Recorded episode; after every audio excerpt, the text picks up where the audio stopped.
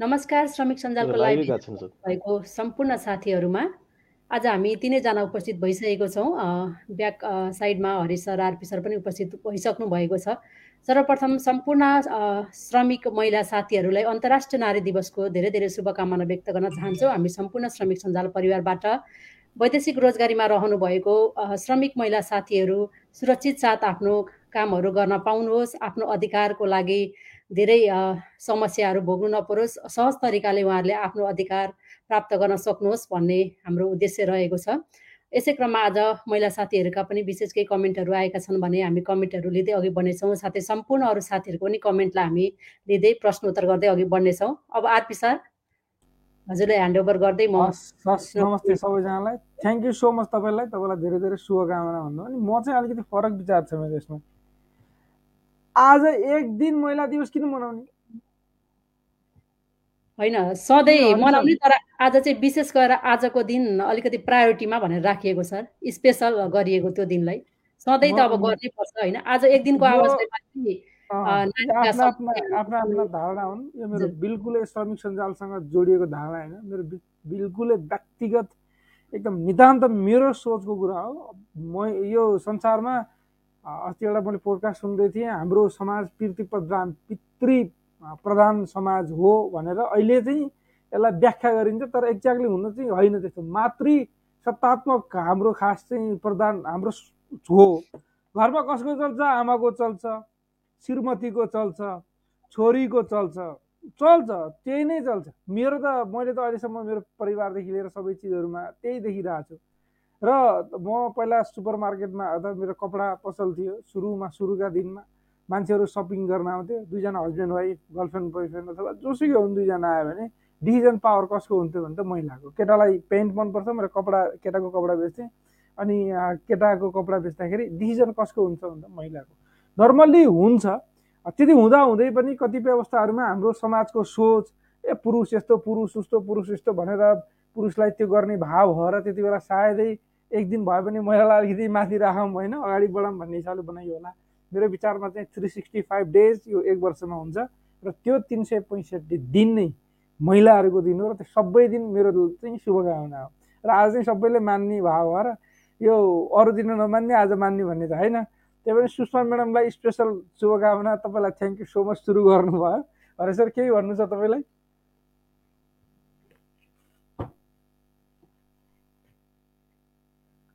Sir mute छ हजुरको सबैजनालाई यो अन्तर्राष्ट्रिय सुन्नु भएको छ एकदम मजाले हजुर सर अहिले नेट स्लो भयो जस्तो लाग्यो मेरो यो एक सय तेह्रौँ अन्तर्राष्ट्रिय श्रमिक महिला हरूको चाहिँ यो नारी दिवस अथवा अन्तर्राष्ट्रिय श्रमिक महिला दिवसको सबैजनालाई शुभकामना भन्न चाहे सर हस् धन्यवाद तपाईँले हुन्छ सरको अलि नेट स्लो छ जस्तो छ। आज हामी हरि सर केही छ त्यस्तो अपडेटहरू? होइन भने हामी कमेन्टतिर जान्छौँ सिधै। साथीहरूका कमेन्टहरू लिनेछौँ। र हरि सरको इन्टरनेट यति बेला चुडिसकेको छ। लाइभमा भन्छ नि हामी त्यस्तै जस्तो। मौसम कस्तो छ म्याडम युएको? युएको मौसम बताउनु पर्दा बेलुकी पख चाहिँ अझै पनि बेलुकी र बिहान पख चाहिँ चिसो चिसो नै छ सर। दिउँसो चाहिँ अब गर्मी बढ्न थालिसक्यो सर। एकदमै घाम लाग्न थालिसकेको छ गर्मी भइसकेको छ। बिहान र बेलुकी चाहिँ चिसै छ अझै पनि गर्मी गर्मी एक हिसाबले सुरु भयो भन्दा नि हुन्छ है अब। हजुर सर सुरु भइसक्यो। हजुर सर अपडेटहरू केही छन्? त्यस्ता जुन हाम्रो साथीहरूलाई भन्नै पर्ने अहिले। साथीहरूले थाहा पाइहाल्नु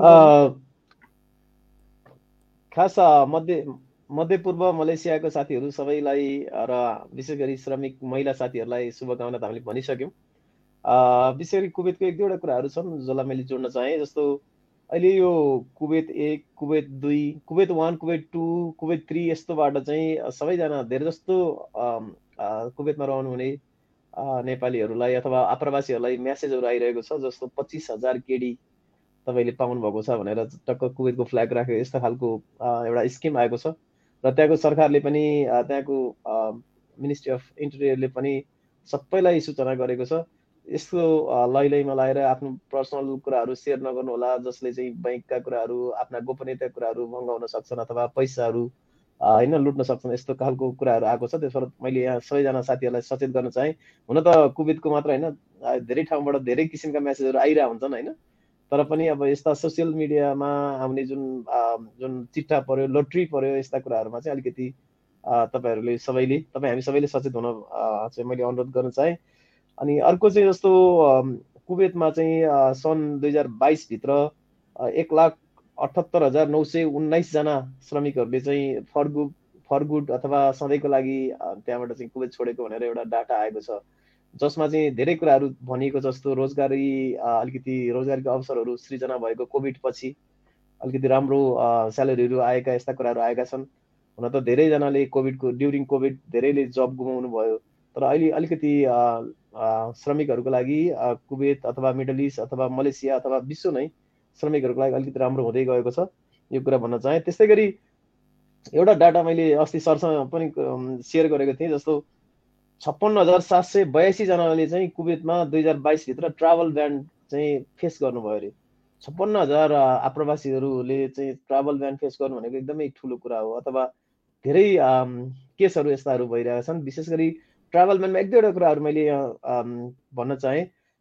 यदि तपाईँहरूले बैङ्किङ कारोबारहरूमा किस्ता रोक्नुभयो भने अथवा तपाईँले मोबाइल इन्स्टलमेन्टमा लिनुभयो त्यसलाई क्लियर गर्नु भन भने अथवा तपाईँ कोहीसँग झगडा गर्नुभयो तपाईँको केस रजिस्टर्ड छ भने अथवा तपाईँले कोहीसँग कानुनी प्रक्रियामा तपाईँको समस्याहरू भइरह्यो भने ट्राभल ब्यान लाग्छ। र यो ट्राभल ब्यान भनेको तपाईँ हामी व्यक्तिले लाउने अथवा एमबिसीले लाउने यस्तो होइन। यो भनेको त्यो लिखित रूपमा मुद्दा पुगेपछि बल्ल त्यस्ता कुराहरू हुन्छन्। त्यसबाट यस्ता कुराहरूदेखि अलिकति टाढा रहौँ होइन? सकेसम्म आफ्नै आफ्नो जिम्मेवारी बोध गरौँ भन्न चाहेँ। किनकि ट्राभल ब्यान भएपछि चाहिँ धेरै समस्याहरू निम्ति आएको कुराहरू आएको छन्। त्यसै गरी यो सन् दुई हजार बाइसमा चाहिँ तिन सय बाइसजना को चाहिँ यो के अरे रोड एक्सिडेन्टमा मृत्यु भएको भनेर चाहिँ एउटा ऊ आएको छ। त्यसमा चाहिँ रोड एक्सिडेन्टको रेकर्डहरू एकदमै धेरै धेरै रेकर्ड भयो भने मान्छेहरू जस्तो आप्रवासी विशेष गरी हामीसँग पनि धेरैजना साथीहरू ठुकिनुहुन्छ रोड एक्सिडेन्टमा पर्ने साथीहरू जुन रोड सेफ्टीका कुराहरू छन्। रोड से रोड सेफ्टीलाई अलिकति सबैले मान्नको लागि चाहिँ त्यहाँको सरकारले बारम्बार अनुरोध गरिएको छ। ट्राफिक रुल्सहरू अलिकति चेन्ज भएका छन् ती कुराहरूलाई मानिदिन भन्न अनुरोध गर्न चाहे। अर्को कुरा चाहिँ अलिकति चेक जाँच हुँदा सधैँभरि हुन्छ तर अहिले अझै बढेको छ कुवेतमा चेक जाँचहरू एकदम बढेको छ तपाईँहरू ख्याल गर्नुहोला। त्यसै गरी साउदी अरबमा पनि अलिकति चेक जाँचको कुराहरू बढेका छन्। अनि मलेसियामा चाहिँ जस्तो जुन लिगलाइज हुन पाउने अथवा उहाँहरूले चाहिँ कम्पनीमा भिसा थिएन दुई हजार बाइसभन्दा अगाडि उहाँहरू कम्पनीबाट भाग्नु भएको थियो भने उहाँहरूलाई डकुमेन्टेड हुने अवसर चाहिँ आइरहेको छ र धेरै नेपालीहरूले आशा गरौँ होइन उहाँहरूले चाहिँ त्यसको फाइदा पनि लिइरहनु भयो होला भन्न चाहे। अहिले यति नै छ सर अब फेरि हामी कुराहरू जोड्दै जाउँला सर। हस् थ्याङ्क यू सो मच हामीहरू अब कमेन्ट दिनेतर्फ लाग्छौँ। र स्क्यामको कुराकानी गर्दा फ्रडको कुराकानी गर्दा कतिपय साथीहरूलाई संसारभरि एउटा जान्न पर्ने एउटा डिजिटल जो हामीले युज गर्छौँ दुई चारवटा चिजहरू छन् जुन सेयर गर्नु हुँदैन। एउटा ओटिपी भन्छ वान टाइम पासवर्ड यो वान टाइम पासवर्ड कसैले पनि माग्दैन। जस्तै मानव कोही म चाहिँ ब्याङ्कबाट फोन गरेँ तिम्रो म मैले ब्याङ्कमा एउटा क्रेडिट कार्ड या डेबिट कार्ड या ब्याङ्कको अकाउन्ट एक्सपायर हुन लाग्छ त्यसको लागि अपडेट गर्नु पऱ्यो म एउटा नम्बर पठाउँछु तिमीलाई। त्यो नम्बर मलाई देऊ। भन्छ अथवा फोन फोनमा कुराकानी गर्छ के छ कस्तो छ राम्रै छ। अनि ब्याङ्क अकाउन्टमा ऊ हुन लाग्छ एक्सपायर हुन लाग्छ म ब्याङ्कबाट कुराकानी गरेको। त्यो भन्छ कुरा गर्दा गर्दै एउटा ओटिपी आउँछ। अनि अहिले तपाईँको मोबाइलमा हेर्नुहोस् ओटिपी आयो त्यो ओटिपी दिनु त यहाँ म अपडेट गर्छु भन्छ। मान्छे त्यो ध्यान दिँदैन क्या त्यत्रो सोधिरहेको हुँदैन नि त। अब ब्याङ्कको मान्छेसँग कुराकानी गरिरहेको छु भन्छ ओटिपी दिइदिन्छ। दिएपछि पैसा झम्म सारिदिन्छ भन सानो एउटा गल्ती दुई चार चिजहरू सेयर गर्नु हुँदैन जस्तै एउटा ओटिपी भयो अर्को ब्याङ्क अकाउन्ट नम्बर नम्बर मात्रै थाहा भएर कसैले केही गर्न सक्दैन तर नम्बरसँग अरू धेरै चिजहरू जस्तै तपाईँको डेट अफ बर्थ तपाईँको आमाको बुवाको नाम तपाईँको आमाको मिडिल नेम यस्तो कहिलेकाहीँ चाहिँ सेक्रेट क्वेसनहरू सोधिरहेको हुन्छ नि त्यसमा चाहिँ कतिपय मान्छेहरूले आमाको बिचको नाम राखिरहेको हुन्छ अनि यी यी चिजहरूले उसलाई चाहिँ त्यो जो ह्याकर हुन्छ उसलाई इजी हुन्छ होइन? जस्तै कतिपय त गेस पनि गर्छ ह्याक गर्ने मान्छेले त्यसो भएर दुई चारवटा चिजहरू दिनु भएन जस्तै पासपोर्ट नम्बर अनि तपाईँको phone number passport number account number date of birth यस्ता यस्ता चिज जस्तै कहिलेकाहीँ तँलाई यतिको लोटरी पऱ्यो यो डिटेल पठ अथवा केही कारणले गर्दा म मसँग यत्रो इन्भेस्टमेन्ट अमाउन्ट छ त्यसको नेक्स्ट किन भन्छ? अर्को एउटा मलाई त पहिला सुरु सुरुमा यस्तो मेल आउँदाखेरि त किन भन्ने शब्द के रहेछ भन्ने मलाई थाहा थिएन सुरुमा। अनि भनेको जस्तै हकदार भन्छ त्यसलाई।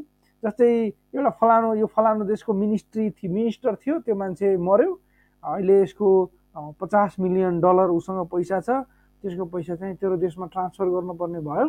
त्यसबाट तँलाई एउटा अकाउन्ट खोल्नु पऱ्यो तेरो डिटेल पठाए यहाँ भन्छ। होइन? अनि पहिला कुन ब्याङ्कमा अकाउन्ट छ तेरो नेपालमा? अथवा जुनसुकै कन्ट्रीमा हो? अब मान्छेले के सोध्छ? हो मलाई पैसा पठाउला भन्ने सोचेर उसले आफ्नो ब्याङ्क अकाउन्ट होइन phone number date of birth passport number कतिले त पासपोर्ट पासवर्डै पठाइदिएलान् यस्ता यस्ता चिजहरू कसैलाई कहिले पठाउनु हुँदैन र कसैलाई चाहिँदैनन् पनि। यी चिजहरूमा ध्यान दिनु होला। जस डिजिटल्ली हामीले काम गर्दै गर्दा यी चिजहरू एकदमै बुझ्नुपर्ने चिज हो। एउटा कुरा त्यो भने अर्को तपाईँको नामको सिम लिएर कसैले दुरुपयोग गर्न सक्ने भएकोले तपाईँको नाम जुनसुकै देशमा हुनुहुन्छ Kuwait Qatar UAE Saudi Arabia या नेपाल या जहाँसुकै तपाईँहरू तपाईँ हामी छौँ त्यो देशमा आफ्नो नाममा कतिवटा सिम छ भन्ने कुरो त्यो देशको त्यो टेलिकम्युनिकेसनले भनिदिन्छ। जस्तै मानव युएमा हो भने इतिसला डु तपाईँ जुनमा तपाईँको छ जहाँ त्यो दुइटा छ अहिले भर्जिन पनि छ सायद त्यो अलिक कमले युज गर्छन्। यो सबै चाहिँ के भयो भन्दाखेरि तपाईँको त्यो तपाईँको नाममा कतिवटा फोन नम्बर छ उनीहरूलाई तपाईँले पत्ता लगाउन सक्नुहुन्छ र आफूले युज नगरेका नम्बरहरू त्यहाँनिर डिएक्टिभेट गरिदिन सक्नुहुन्छ अथवा त्यसलाई बन्द गरिदिन सक्नुहुन्छ। होइन भने के हुन्छ जस्तै तपाईँको फोन नम्बर युज गरेर धेरै वाट्सएप बनाउने अथवा अरू फ्रडहरू हुन सक्छन् कतिपय अवस्थाहरूमा जस्तै तपाईँ नेपालबाट कुनै एउटा नम्बरमा ब्याङ्क अकाउन्ट कनेक्ट गरेर जानुभएको हुन्छ विदेशमा गइसकेपछि नेपालको नम्बर सकिन्छ। अथवा तपाईँको अफ हुन्छ त्यो नम्बर अहिले त दिन पाइँदैन अर्कोलाई। पहिला अलिकति पहिला के रुल्स थियो भने एउटा इनएक्टिभ भइसकेपछि त्यो अर्कैलाई दिइदिने। अनि अर्कैलाई दिने तर मोबाइल नम्बर ब्याङ्क अकाउन्टमा त त्यही जोडिएको हुन्छ। अनि पहिला पहिला म युएमा हुँदाखेरि मेरो मोबाइलमा म्यासेज आउँथ्यो क्या। तेरो मोबाइलमा यति पैसा राख्यो तेरो अकाउन्टमा यति पैसा डिपोजिट गर्यो यति पैसा निकाल्यो भनेर आइराखेको हुन्थ्यो। मैले त सुरु सुरु मलाई आइडिया थिएन यो। पछि मलाई थाहा भयो मैले जुन नम्बर दिएँ त्यो नम्बर चाहिँ अर्कैको नम्बर रहेछ त्यो अर्कैको कुनै ब्याङ्कमा कनेक्टेड रहेछ। त्यो भएर आफ्नो नाममा कतिवटा सिम छन्। त्यो सिम को कोले चलाएको छ भन्ने पनि विदेशमा हुँदा अथवा नेपालमा हुँदा थाहा पाइराख्नु पऱ्यो र आफ्नो नामबाट सिम निकालेर। कोही साथीहरू नयाँ आउनुहुन्छ कहिलेकाहीँ विदेशबाट अथवा नेपालबाट विदेशमा नयाँ आउनुभयो। यस्ता यस्ता चिजहरू छन्। नयाँ आउनुहुन्छ नयाँ आइसकेपछि नयाँ उहाँसँग त अकामा इमिरेट्स आइडी या कुवेत कतारी आइडी केही पनि हुँदैन। त्यो नभइसकेपछि हामीले के गरिदिन्छौँ? ठिकै छ नि त मेरो कार्डबाट निकाल भनेर उसलाई दिन्छौँ। अनि उसले पनि लिन्छ चलाउँछ अब अलिक कति समय चलाउँछ चलाउँछ कतै जाला अथवा कसरी दुरुपयोग गर्ला थाहै हुँदैन हामीलाई। अनि पछि चाहिँ केही घटनाहरू घट्न सक्छन्। त्यो भएर यदि त्यसरी सकभर नदिने अब आफ्नो नजिकको मान्छेलाई दिनै पऱ्यो भने पनि उसको कार्ड आइसकेपछि उसको कार्डबाट निकाल्ने आफूले दिएको बन्द गरिदिने। त्यो गर्नु पनि पर्छ। यी दुई चार चिजहरू हामीले गरौँला। गर्नुपर्छ। अब चाहिँ कमेन्ट अझ अझ यो विषयमा एउटा कुरा सेयर गरिहाल्ने भर्खरको इन्सिडेन्ट हो। यो कुवेतको इन्सिडेन्ट हो। करिब पन्ध्र बिस दिन अगाडिको। जस्तो एकजना महिला बिरामी हुनुभएछ। नेपाली महिला।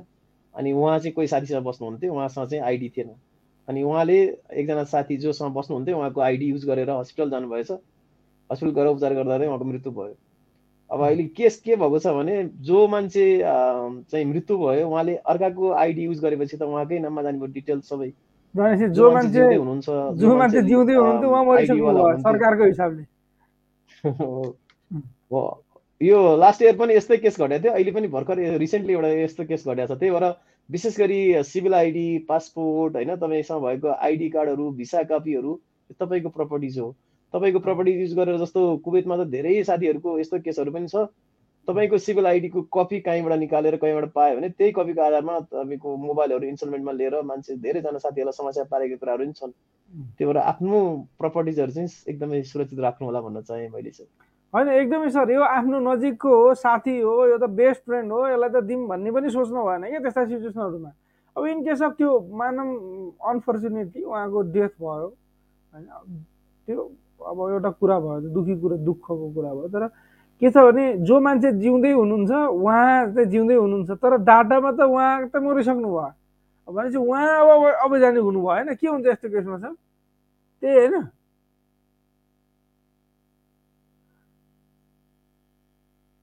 उहाँकोमा इन्टरनेट यो केसमा चाहिँ सायद अब दूतावासले केही गर्ने कुराहरू यो केसमा चाहिँ जस्तो नेपाली दूतावासको सहयोगमा प्रहरी केस गरेर धेरै कुराहरू भेरिफाई गर्नु बाँकी हुन् गर्नुपर्ने हुन्छ सायद।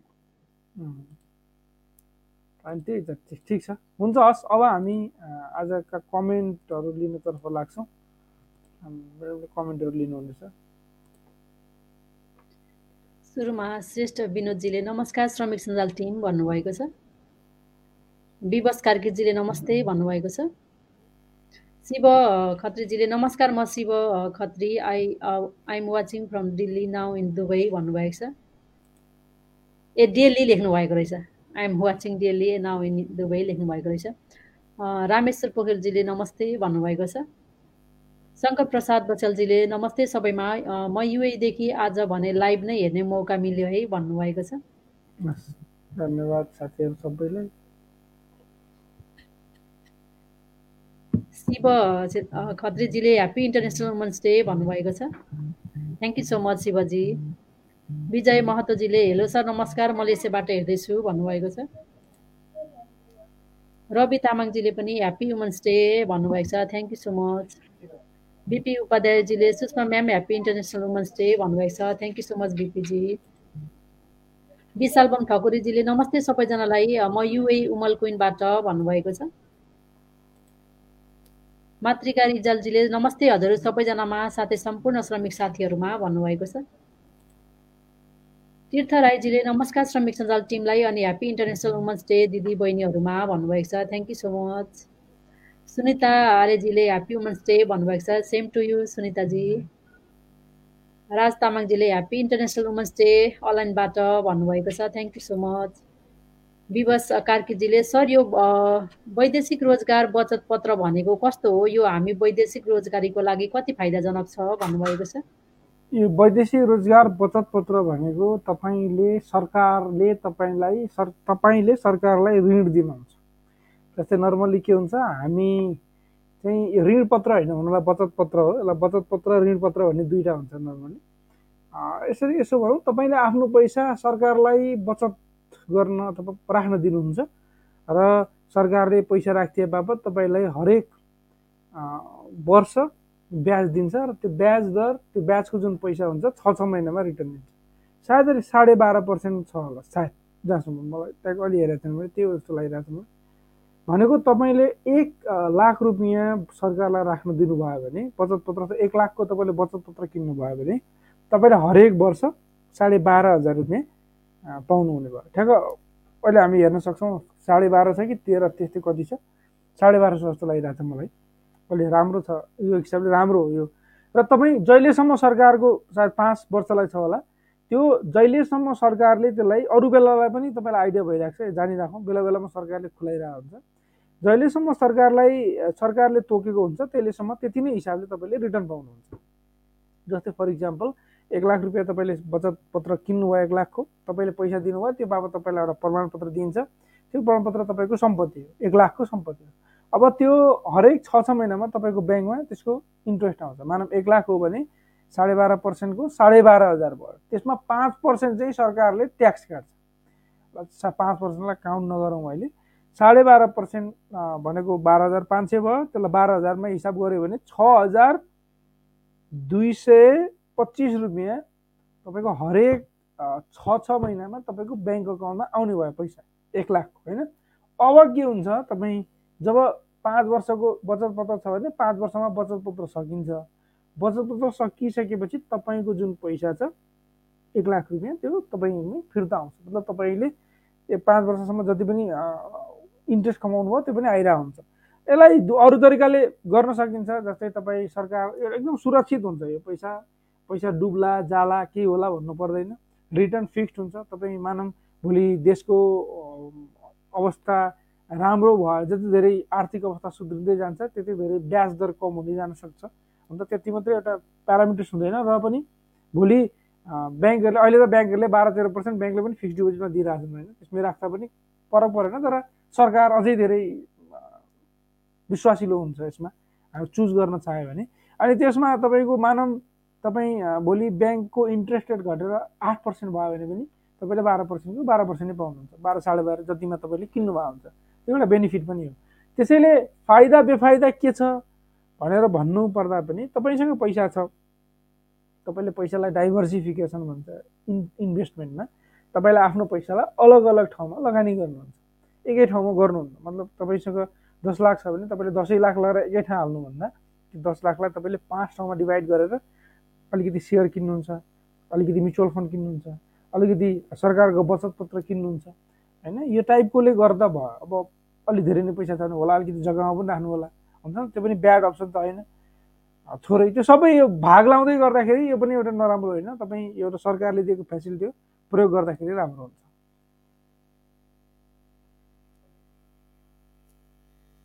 दिपक बसालजीले नमस्ते फ्रम युए भन्नुभएको छ। विजय महतोजीले रिमिटेन्स अकाउन्ट भन्नुभएको छ। हजुर रेमिटेन्स अकाउन्ट भनेको वैदेशिक रोजगारीमा विदेशमा कमाइ गर्न गएका नेपाल सरकारबाट श्रम स्वीकृति लिएर गएका श्रमिक साथीहरूले मात्रै खोल्न मिल्ने एउटा अकाउन्ट हो सायद उहाँहरूले मात्रै होला अरूले खोल्न मिल्छ मिल्दैन ठ्याक्क थाहा भएन। आइपिओ चाहिँ भर्नु मिल्दैन। रेमिटेन्स अकाउन्ट पनि रेमिटेन्स अकाउन्ट त अब स्टुडेन्टले पनि रेमिटेन्स रेमिटेन्स चाहिँ पठाउने हो। तर खोल्न मिल्छ कि मिल्दैन त्यो चाहिँ मैले त्यो अलिक यादै गरिएको छैन। श्रमिकको मात्रै ध्यान दिने धेरै। त्यो भएर याद गरिएको छैन। त्यो चाहिँ खोल्न मिल्ने हो। त्यसमा चाहिँ नर्मल्ली रुल्स नेपाल राष्ट्र ब्याङ्कको रुल्स चाहिँ कस्तो छ भने विदेशबाट मात्रै पैसा जम्मा गर्न मिल्ने नेपालबाट चाहिँ एकचोटि मात्रै जम्मा गर्न मिल्ने त्यो पनि विदेशबाट आएको पैसा हो मैले लिएर आएको पैसा भनेपछि जम्मा गर्न मिल्ने भन्ने रुल्स छ। तर कतिपय ब्याङ्कहरूले चाहिँ यहाँबाट डिपोजिट चाहिँ गर्न दिन्छ नत्र नर्मल्ली त्यो अकाउन्टमा डिपोजिट विदेशमा बस्ने मान्छेले गर्न मिल्छ। सरकारले एउटा सहुलियत के दिन्छ भने ब्याङ्कहरूले सरकारको आदेशअनुसार राष्ट्र ब्याङ्कको आदेशअनुसार बनाएको रुल्स अनुसार जस्तै नर्मल रेट इन्ट्रेस्ट रेट जस्तै म नेपालमा छु नर्मल सेभिङ एकाउन्टमा एक लाख रुपियाँ राखेँ भने मैले दस पर्सेन्ट ब्याज पाएँ भनेको वर्षको दस हजार रुपियाँ पाएँ भने तपाईँ विदेशमा हुनुहुन्छ रेमिडेन्स अकाउन्ट खोल्नु भएको छ रेमिडेन्स अकाउन्टको थ्रुबाट त्यहीँ डिपोजिट गर्नुभएको छ विदेशबाट भनेदेखि तपाईँले एघार पर्सेन्ट पाउनुहुन्छ भनेको एक हजार रुपियाँ धेरै पाउनुहुन्छ। एघार हजार पाउनुहुने भयो तपाईँले। यो नै हो है यो चाहिँ। विरमचन्दजीले नमस्ते भन्नुभएको छ। दिपक बसालजीले नारी दिवसको शुभकामना सुषमा म्याडम लगायत सम्पूर्ण नारीहरूमा भन्नुभएको छ। Thank you so much Deepak ji. Laxman पाण्डेजीले नमस्कार सबैमा मधुबेबाट भन्नुभएको छ। त्यसै गरी ज्ञान साक्यजीले नमस्कार हजुर सबैमा पहिले पनि हजुर कहाँ गएको थिएँ अझै पनि त्यसकै पर्खाइमा थियो। अब त त्यो एजेन्ट एजेन्टसँग बोलचाल बन्द भयो। अब हामी योजना समाउ समाउने कि बैङ्क टु बैङ्क समाउँदा ठिक होला भन्नुभएको छ? अब ज्ञानजीलाई मलाई मैले बोला सुन्नु भएको छ मेरो आज अलिकति इन्टरनेटमा समस्या आइरहेको छ। ज्ञानजीलाई चाहिँ उहाँको क्वेसन चाहिँ यो मलेसियामा पचासजना जति हुनुहुन्थ्यो नि अस्ति हाम्रो विदेश जानु पहिले हजुरलाई थाहा छ हजुर विषयमा हामी तपाईँलाई भोलि भोलि कुराकानी गरौँला किनभने हुन त यहाँ अलिकति कुरा सरले आरपी सरले कुरा गर्दा नै हुन्छ। अलिकति यो फ्रडको कुराहरू जस्तो यसमा चाहिँ धेरै नेपाली दाजुभाइ दिदीबहिनीहरू अलिकति विदेश जानु पहिले प्रोग्राममा। हो त्यो मलेसियाको ठुलो ग्रुपवाला केस हो यो। ओहो। एजेन्टसँग बोलचाल नै बन्द भयो। अब ब्याङ्क समाउँदा त हुँदै भएन। पुलिस केस गर्नु पर्यो तपाईँहरूले। उहाँहरूले वैदेशिक रोजगार विभाग र पुलिस केस गर्नु पर्यो। उहाँहरूको यस्तो छ। उहाँले उहाँले बैङ्क सामान भनेको उहाँले भनेको बैङ्क मार्फत पैसा ट्रान्सफर गरेको कुराहरू केही केही छन् होइन? सबै प्रमाणहरू लिएर वैदेशिक रोजगार विभागमै जानु पर्यो। हो हो होइन यस्तो छ। अब ब्याङ्कले त ब्याङ्क त यसमा हुनै हुँदैन होइन? ब्याङ्कले चाहिँ ब्याङ्कलाई त कारवाही गर्ने दायरामै आउँदैन। ब्याङ्कले त्यो इभिडेन्सहरू तपाईँले पैसा पैसा कसलाई पठाउनु भएको भन्ने हुन्छ। अब तपाईँहरू जो साथीहरू त्यहाँ जो आउनुभयो हाम्रो फेरि त्यहाँमध्ये कोही साथीहरू अथवा ज्ञान त्यो ज्ञानजी नै तपाईँ नै आउनु चाहनुहुन्छ नि। हाम्रो आउने फेरि अर्को दिन कार्यक्रम हुँदैछ। अरू साथीहरू पनि तपाईँहरूको कोही साथीहरू हुनुहुन्छ भने एकचोटि हाम्रो जुन नम्बर छ फेरि हुँदैछ हाम्रो आउने पन्ध्र तारिक भनेपछि अब आउने बुधबार होइन नेक्स्ट विक चाहिँ हाम्रो पहिलाकै ठाउँमा हुँदैछ। हामीले लोकेसन चाहिँ तपाईँहरूलाई फोनमा मात्रै बताउने गर्छौँ। केही रिजनहरूको कारणले गर्दा। किनभने हाम्रो सिट एकदमै सीमित हुन्छ। त्यति जो जो साथीहरू पहिला रजिस्टर्ड हुनुहुन्छ अथवा हामीसँग कुरा गरेर आउने फिक्स गर्नुहुन्छ उहाँहरू मात्रै आउनुहुने भएर तपाईँ फेरि पनि आउन सक्नुहुन्छ। हामी फेरि एकचोटि सल्लाह गर्न सक्छौँ त्यहाँ। तपाईँको अरू साथीहरू पनि जो त्यहाँ ठगिनु भएको छ उहाँहरू पनि। हामीले तपाईँहरूलाई अरू केही सल्लाह दिन सक्छौँ कि कुराकानी गरौँला? यो चाहिँ अलिकति लामो केस छ। हामी यसको बारेमा अलिक डिटेलमा अर्को दिन कुनै बेला कुराकानी गरौँला है। यो चाहिँ अलि उहाँहरूलाई कोही मान्छेले मलेसिया लैजान्छु भनेर धेरैजनाको साथीको समूहलाई एकजना एजेन्टले झुटो भिजा झुटो टिकटहरूदेखि लिएर सबै देखाएर एकजना ठगेको के छ। हामी कुराकानी गरौँला पछि। चन्द्र भूषालजीले नमस्कार सबै टिमलाई भन्नुभएको छ। विजय महतोजीले नर्मल अकाउन्ट र रेमिटेन्स अकाउन्ट दुवैबाट आइपिओ भर्न मिल्छ सर? जानकारी पाउन भन्नुभएको छ। महिला आइडिया भएसम्म तपाईँले नर्मल अकाउन्टमा खोलिरहेपछि नर्मल अकाउन्टबाट नर्मल अकाउन्टमै खोल्नुपर्ने हुन्छ। र रेमिटेन्स अकाउन्टबाट खोल्नु भएको छ भने रेमिटेन्सबाटै मात्रै चलाउनु पर्ने हुन्छ। तर तपाईँ जब रे कि त तपाईँ नर्मल हो कि तपाईँ रेमिटेन्स हो? विदेशमा हुनुहुन्छ र रेमिटेन्सबाट खोल्नु भने रेमिटेन्स हो भोलि नेपाल फर्किसकेपछि त्यसलाई फेरि नर्मल बनाउन मिल्यो। तर तर कसै कसैले इनकेस अफ खोल्नु भएको छ। रुल्स त्यो है फेरि। कसैले भर्नु पनि सक्नु भएको हुन्छ। हुनसक्छ सिस्टममा लु बोल होला। मैले रेमिटेन्स एकाउन्टको भर्दिनँ। त्यो भएर मलाई त्यो थाहा छैन। अनि मैले सोधे पनि छैन कसैलाई अहिलेसम्म। यदि त्यस्तो छ र कसैले भर्नु भएको छ भने एउटै आइपिओ रेमिटेन्सबाट पनि भर्नुभयो र नर्मलबाट पनि भर्नुभयो भने तपाईँको आइपिओ रिजेक्ट हुन्छ। होइन? रेमिटेन्सबाट भर्नुभयो भने नर्मल आइपिओबाट भर्दाखेरि त्यो रिजेक्ट हुन्छ। त्यसलाई त्यसरी बुझौँ। होइन भने न रेमिटेन्सबाट भर्ने भर्नेलाई नर्मल भर्ने नमिल्ने हुन्छ। नर्मल भर्नेलाई चाहिँ रेमिटेन्स अप्सनै देखाउँदैन। हर्क बहादुरजीले नमस्कार सबैमा भन्नुभएको छ। सञ्जय शर्माजीले नमस्ते ह्याप्पी होली सबैजनालाई म डिआइपी दुबईबाट भन्नुभएको छ। थ्याङ्क यू सो मच हर्कजीले नमस्कार सबैमा म सिरियादेखि भन्नुभएको छ। सरोज नेपालजीले मेरो श्रम गर्न गर्न दुबईबाट but no response from DoFE के गर्न के गर्ने होला? कम्पनी एडको रिक्वेस्ट पठाएको पाँच दिन भयो भन्नुभएको छ। इमेल गर्नुहोस्। डोफेलाई इमेल गर्नुहोस्। सायद info at the rate DoFE dot GOV dot NP होला। नभए वेबसाइटमा हेरेर आइटीमा हुन्छ कि त्यहाँ कहाँ हुन्छ त्यहाँ कति लेखा पनि होला। त्यसमा इमेल गर्नुहोस् उहाँहरूले अप्रुभ गरिदिनुहुन्छ। मधुसूदन सुवेदीजीले नमस्कार सम्पूर्ण सहभागिता पस्कनेहरूमा साथै हरि सर राजेन्द्र सर बहिनीमा नमस्ते। साथै विश्व एक सय तेह्रौँ श्रमिक महिला तथा नारी दिवसको मुरी मुरी शुभकामना छ। सम्पूर्ण दिदी बहिनी तथा छोरी बेटीहरूमा भनेर उहाँले चाहिँ लेख्ने पढ्ने अधिकारका कुराहरू भनेर यसो सिम्बल गर्नुभएको छ। हसी भन्नु आरपी सर नमस्ते। आज मात्र किन नारी दिवस मनाउने? जबकि हाम्रो आमा श्रीमती छोरी दिदी बहिनी भनेको मानव जीवनका अञ्जुली हुन् सारथी हुन् त्यसैले संसारमा यस्तो कोही मनुष्य छैन होला जसले आफ्नो पाँच औलाले सृजित हातका पाँचौँ औलाले भरिपूर्ण प्रिय अञ्जुली नमस्ते भन्नुभएको छ। उहाँको अलिकति साहित्यिक भाषा हुन्छ सधैँ। कहिले काहीँ बुझ्न पनि अलिकति हामी सक्छौँ नमस्ते थ्याङ्क यू सो मच सुदनजी। नारी नारी भनेकी जननी हुन् जसले जन्माउँछ। धरतीमा त्यो जन्माउने नै नारीले त हो नि। अनि यो अलिकति कहिले काहीँ अलिक धेरै इमोसनल होला मान्छे अलिकति त्यो धेरै ठुला कुरा गरे जस्तो पनि सुनिएला। तर एकदम सिधा सिधा भन्दाखेरि पनि कर्पोरेट ओल्ड भन्ने हुन्छ नि जहाँ जहाँ यो महिलाहरू र पुरुषहरूको बिचमा धेरै चिजहरू फरक छन् कि। त्योमध्ये एउटा चिज चाहिँ बिल्कुल फरक लाग्छ मलाई चाहिँ। मैले आफ्नो मेरो आफ्नो स्टडी यसो कतै पढ्दाखेरि हो तपाईँहरूलाई अलिकति दुईजनालाई के यसमा छ भने भन्नु होला। जस्तै महिलाहरूले तत्काललाई धेरै सोध्छन् जस्तै उनीहरूलाई अहिलेलाई अथवा भोलिलाई यो जुन रिसेन्ट सिचुएसन छ यसमा खुसी हुनुपर्छ। होइन यो लाइफ चाहिँ खास लाइफ त यही हो नि त। रिसेन्ट भोलि हिजो गयो भोलि आउँछ आज जियो भन्छ नि त। यो आध्यात्ममा पनि त्यो टाइपको महिलाहरूको चाहिँ त्यो टाइपको थिङ्किङ हुन्छ। अनि ओरिड चाहिँ अलिक धेरै नै हुन्छन् महिलाहरू किनभने धेरै कोही चाहिँ। तर नर्मल्ली महिलाहरूको नेचर कस्तो हुन्छ? भोलिको बारेमा भन्दा आज र अहिलेको बारेमा धेरै सोध्छन् भने पुरुषहरू के हुन्छन्? पुरुषहरू चाहिँ भोलिको बारेमा धेरै सोध्छन् कि लङ टर्मलाई लामो समयलाई धेरै सोचिरहेको हुन्छ त्यो भएर अलिकति खुसी हुनलाई सुखी हुनलाई र राम्रोसँग टिम म्यानेज गर्नलाई चाहिँ अहिलेको बारेमा धेरै सोच्नुपर्छ भन्ने भएर महिलाहरूलाई लिडरसिप पोस्टमा होइन लिडरसिपमा राख्ने अनि राम्रो राम्रो पोस्टहरूमा अथवा धेरै जसो ऊहरूमा संस्थाहरूमा पनि महिलाहरूलाई अगाडि लिएर आउने त्यो एउटा कल्चर छ त्यो हुनु पनि पर्छ।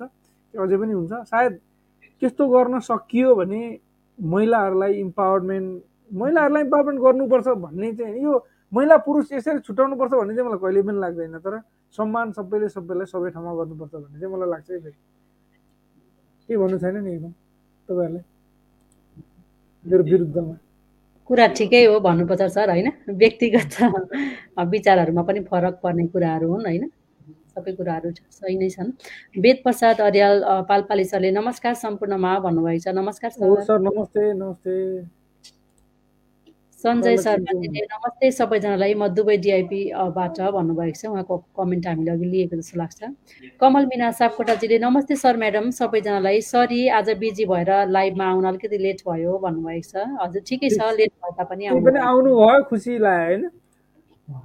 सोम तामाङजीले नमस्ते सबैजनालाई भन्नुभएको छ। कृष्ण लम्सालजीले नमस्कार भन्नुभएको छ। विवश कार्कीजीले धन्यवाद सर जानकारी दिनुभएकोमा भन्नुभएको छ।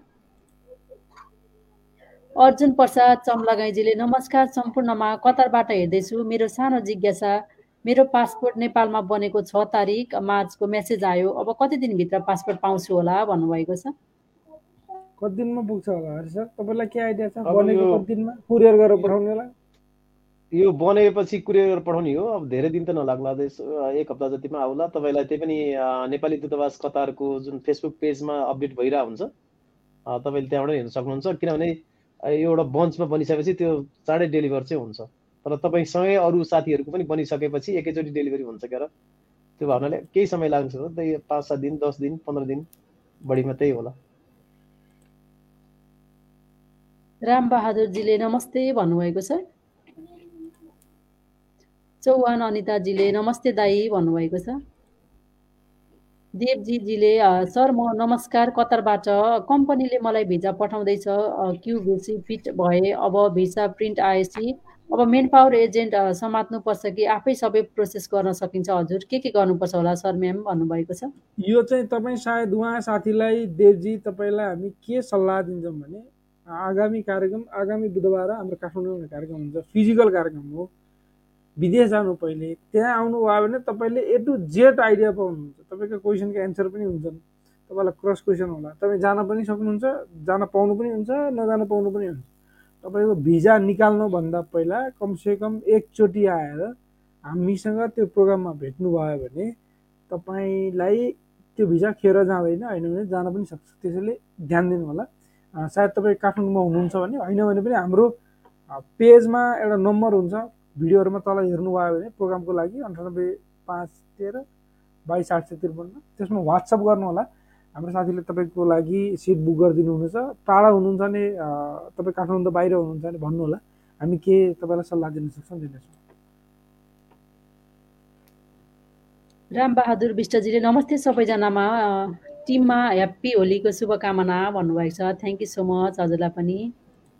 कस्तो मनाउनु भयो? सम्पूर्ण साथीहरूले होली।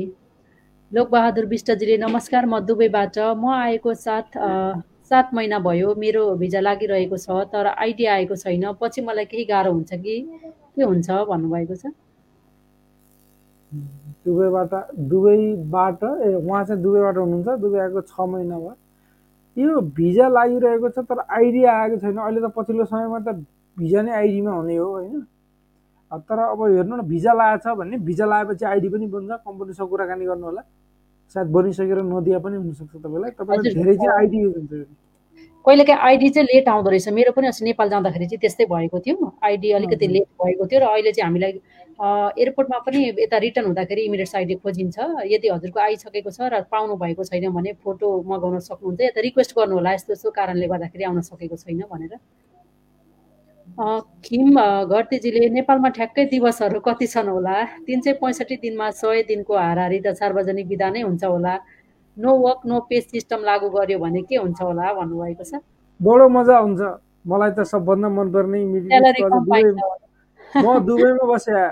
मलाई नेपालको मन नपर्ने नै यही हो फेरि। के गर्नु त? मलाई मन नपरेर भएन अब यो चाड भनेको छ त्यो चाड भनेको छ यो भनेको छ त्यो भनेको छ यता भागेको छ। नेपालमा काम छ हुँदैन क्या यहाँ यहाँ चाहिँ रमाइलो छ। नेपालमा जिन्दगी चाहिँ बुढो बिन्दास छ सँग मान्छेहरूको। कमाइ छैन जिन्दगी बिन्दास छ। अनि जिन्दगी बिन्दास हुनुको पछाडिको रिजन पनि त्यही हो। छुट्टी छ तर बिदा हेर्ने भने त सर यहाँ पनि बिदाहरू त धेरै नै छन् तर अरू बेला लागेको दिनमा चाहिँ वर्किङ आवर चाहिँ एकदमै स्ट्रिक्टली होइन लङ टाइम छ नि त त्यसले गर्दा काम चाहिँ धेरै हुन्छ तर बिदा त बिदा त्यस्तो छैन नि तपाईँको युएमा तपाईँ युएमा कहिले कहिले बिदा छ भने गनेरै बिदा छ के?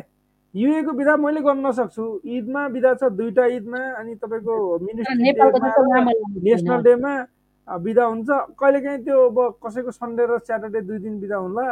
अनि कसैको चाहिँ त्यो अब त्यो बिचमा होइन ईदको टाइममा चार पाँच दिन छुट्टी हुन्छ यसो हिसाब गऱ्यो भने त त्यस्तो धेरै बिदा हुँदैन नेपालमा। नेपालको पुरै दसैँमा जति हुने जति बिदा उहाँ सबै गरेर सकिन्छ होला। र त्यसको रमाइलो पनि छुट्टै छ फेरि। त्यो एउटा शुक्र आइतबार हुन्छ छुट्टी अहिले होइन त्यो आइतबार आउने त्यो मजा बुधबारदेखि सुरु हुन्छ त्यहाँ। होइन आइतबार छुट्टी हुन्छ भन्ने मजा। किनभने अरू दिन त पेलिराखेको हुन्छ नि त त्यो दिन चाहिँ छुट्टी हुन्छ अब त्यो दिन चाहिँ छुट्टी हुन्छ भन्ने। अनि अर्को कुरा मैले के फिल गर्छु सायद साथीहरूले गर्नुहुन्छ गर्नुहुन्न। हरि सरले पनि त्यो गर्नुहुन्छ गर्नुहुन्न। मलाई त्यो आइडिया भएन होइन। मलाई चाहिँ के फिल हुन्छ भने जस्तै मैले दुबईमा जाँदा छँदाखेरि एक दिनमा जति काम गर्न सक्थेँ त्यति नै काम सक्नुको लागि मलाई नेपालमा पाँच दिन लाग्छ। ठ्याक्कै पाँच दिन लाग्छ। भनेपछि मेरो लाइफ त एकदम पछाडि धकेलिन्छ क्या यहाँ त नेपालमा त। त्यो माहौल त्यस्तो छ। म जति फास्ट हुन्छु भने पनि फास्ट हुनै सक्दिनँ। म कोसिस गर्छु तर फास्ट हुन सक्दिनँ हाम्रो माहौलै त्यस्तै छ। के हो के हो? मलाई थाहा छैन केले त्यस्तो बनाएको छ अब यसको बारेमा कसैले रिसर्च गर्ला भोलिको दिनमा। तर यो चिजहरू चाहिँ छ। अनि गर्नुभयो क्या? पुरै दस शुक्रबारलाई छोडेर सालमा दस दिन बिदा दस दिन बिदा भने त केही पनि होइन नि दस दिन बिदा कुवेतमा तेह्र दिन छ पब्लिक होलिडे जम्मा। तेह्र दिन छ जम्मा। यो यस्तो छ तपाईँको पहिला चाइनिजमा चाइनामा यो न्यु इयरमा पनि बिदा दिने चलन थिएन अरे क्या। सुरु सुरुमा जब चाइना डेभलपिङ फेजमा थियो तब मेहनत गरिरहेको थियो। यो डिबेट गर्ने ठाउँ त होइन यहाँ। अनि बिस्तारै बिस्तारै चाइना डेभलप भइसकेपछि उनीहरूले अहिले न्यु इयरमा पन्ध्र बिस दिनको छुट्टी दिइरहेको हुन्छ भनेको धेरै दिन छुट्टी दिने भनेको अहिले विकसित देशहरूमा जस्तै युरोपमा मान्छेहरूको चाहिन्छ छुट्टी चाहिन्छ। मान्छेको लाइफमा इन्टरटेनमेन्ट चाहिन्छ मान्छेको लाइफमा रेस्ट चाहिन्छ। मजा छ जिन्दगी चाहिँ नेपालमा त्यो टाइपको जिन्दगी चाहिँ छ। तर कस्तो छ भने पैसा छैन। पैसा हुनलाई देशले प्रगति गर्नलाई सुरुका अहिले के छ? राजनीतिक खितातानी हुन्छ यो गर्नुपर्छ त्यो गर्नुपर्छ परिवर्तन ल्याउनु पर्छ भनेर अन्ततिर चाहिँ फोकस छ। यो टाइपको डेभलपमेन्ट जुन कर्पोरेट टाइपको डेभलपमेन्ट अनि यो हाम्रो यो जुन वर्किङ कल्चरवाला डेभलपमेन्ट यो चाहिँ छैन। यो जापानमा वर्किङ कल्चरवाला डेभलपमेन्टबाट भयो अहिले मान्छे नै अर्को अलिक भइसक्यो। मान्छेहरू अर्को अलिक छन् नि जापानका मान्छेहरू। अरू धेरै देशका मान्छेहरू। हामी अर्को अलिक छैनौँ। हामीलाई चाहिँ रमाइलो मनपर्छ धेरैलाई। अब कामै गर्न गयो भने पनि यहाँनिर तपाईँको विदेशमा मानव काम दियो आठ घन्टाको काम छ भने तपाईँको टाइम फ्रेम आठ घन्टामै सक्ने काम हुन्छ त्यहाँ। नेपालमा दुई घन्टामा सक्ने कामलाई मान्छेले आठ घन्टा लगाइदिन्छ। यसो खोल्छ ल्यापटपमा काम गर्नु भने यसो खोल्ला फेरि एउटा न्युज खोल्छ एउटा कुरा आउँछ अर्को आउँछ फेरि अर्को एउटा गफ गर्छ। यो एकदमै नेपालको यो कल्चरले गर्दाखेरि नै नेपाल पछाडि छ क्या खास भने यो कल्चरलाई सुधार्न लाग्ने हो भने नेपाल धेरै अगाडि जान्छ। अब छुट्टी पनि निकै कम गर्नुपर्छ नेपालमा त्यसको लागि चाहिँ। त्यो भने मान्छेहरू अलिकति काम पनि गर्छ। त्यो चाहिँ हाम्रो जेनेरेसनले अहिलेको जेनेरेसनले त्यो चुकाएर दस वर्ष पन्ध्र वर्ष धेरै मिहिनेत गऱ्यो भने त्यसपछि त्यसपछिका दिनमा चाहिँ युरोपियन जस्तो सिस्टम बनाउनु सक्यो वर्षको एघार महिना जोतिएर काम गरेर एक महिना होलिडे मनाउन गयो सस्तो सस्तो देशहरूमा टर्न पैसा लिएर होइन त्यो पनि त गर्न सकिन्छ। यी कुराहरू छन् अब यस्तो कुरा गरेर यहाँ अब साथीहरूले बुझ्नुहुन्छ धेरै विदेशमा साथीहरूलाई त त्यो राम्रोसँग थाहा छ होइन। कमल मिना सापकोटाजीले थ्याङ्क यू सो मच मेरो नै कमेन्टको एन्सर आयो ल है ल है सर म्याडम खाना खाउँ खाना खाना खाउँ है भन्नुभएको छ। हस् हुन्छ खाना खाँदै गर्नुहोला। धरतीको चन्द्रजीले नमस्कार सबैजनालाई। म साउदी आएको सत्र महिना भयो। विगत एक महिनादेखि अकामाको डेट छैन। साउलाई भनेको पनि अकामा रिन्यू गरेको छैन। यो अवस्थामा म कम्पनी चेन्ज गर्न सक्छु कि सक्दिनँ? म ड्राइभर काम गर्दैछु। केही समस्या भयो भने मलाई केही समस्या हुन्छ कि भन्नुभएको छ? अकामाको डेट छैन भने यो चाहिँ हाम्रो यो धरतीको चन्द्रज्यूलाई हाम्रो एलपिजी हुनुहुन्छ त्यहाँ हाम्रो साथी। अर्को साथी हुनुहुन्छ हाम्रो विनोदजी उहाँहरूले प्लिज उहाँहरूको क्वेसनको एन्सर गरिदिनु होला है। क्वेसनको एन्सर तपाईँले कमेन्टमा गर्दा नि हुन्छ पर्सनली मेसेज पठाएर गरे पनि यो जिम्मा दिइयो उहाँलाई हाम्रो साथीलाई Kamal Mina agree with you भन्नुभएको छ। धरतीको चन्द्रजीले आज सर पहिले भन्दा अलिक मोटाउनु भएछ भन्नुभएको छ। मोटाइयो पनि अलिक बुढो बुढो पनि भइयो होला अनि यो यो लाएर पनि अलिक मोटो मोटो देखिया होला अनि क्यामेरा पनि अलिकति नजिक भएर पनि अलिक मोटो देखिया होला। अलिक टाढा गयो भने देखिन्न म। तर वेट हेऱ्यो भने चाहिँ म मोटा छैन। पहिला जति किलो थिएँ लगभग दुई चार वर्षदेखि म सेम टु सेम नै तर थ्याङ्क यू सो मच तपाईँ तपाईँको कमेन्टको लागि। हस् आजको लागि छुट्ने होला। कमेन्टहरू सकियो। हस् हुन्छ जानुहुन्छ जस्तो हुन्छ। स्वस्थ रहनु होला खुसी रहनु होला अब शुभरात्रि भन्नुपर्छ होला सर। शुभरात्रि। सम्पूर्ण साथीहरूलाई। फेरि अर्को हप्ता भेटौँला। नमस्ते।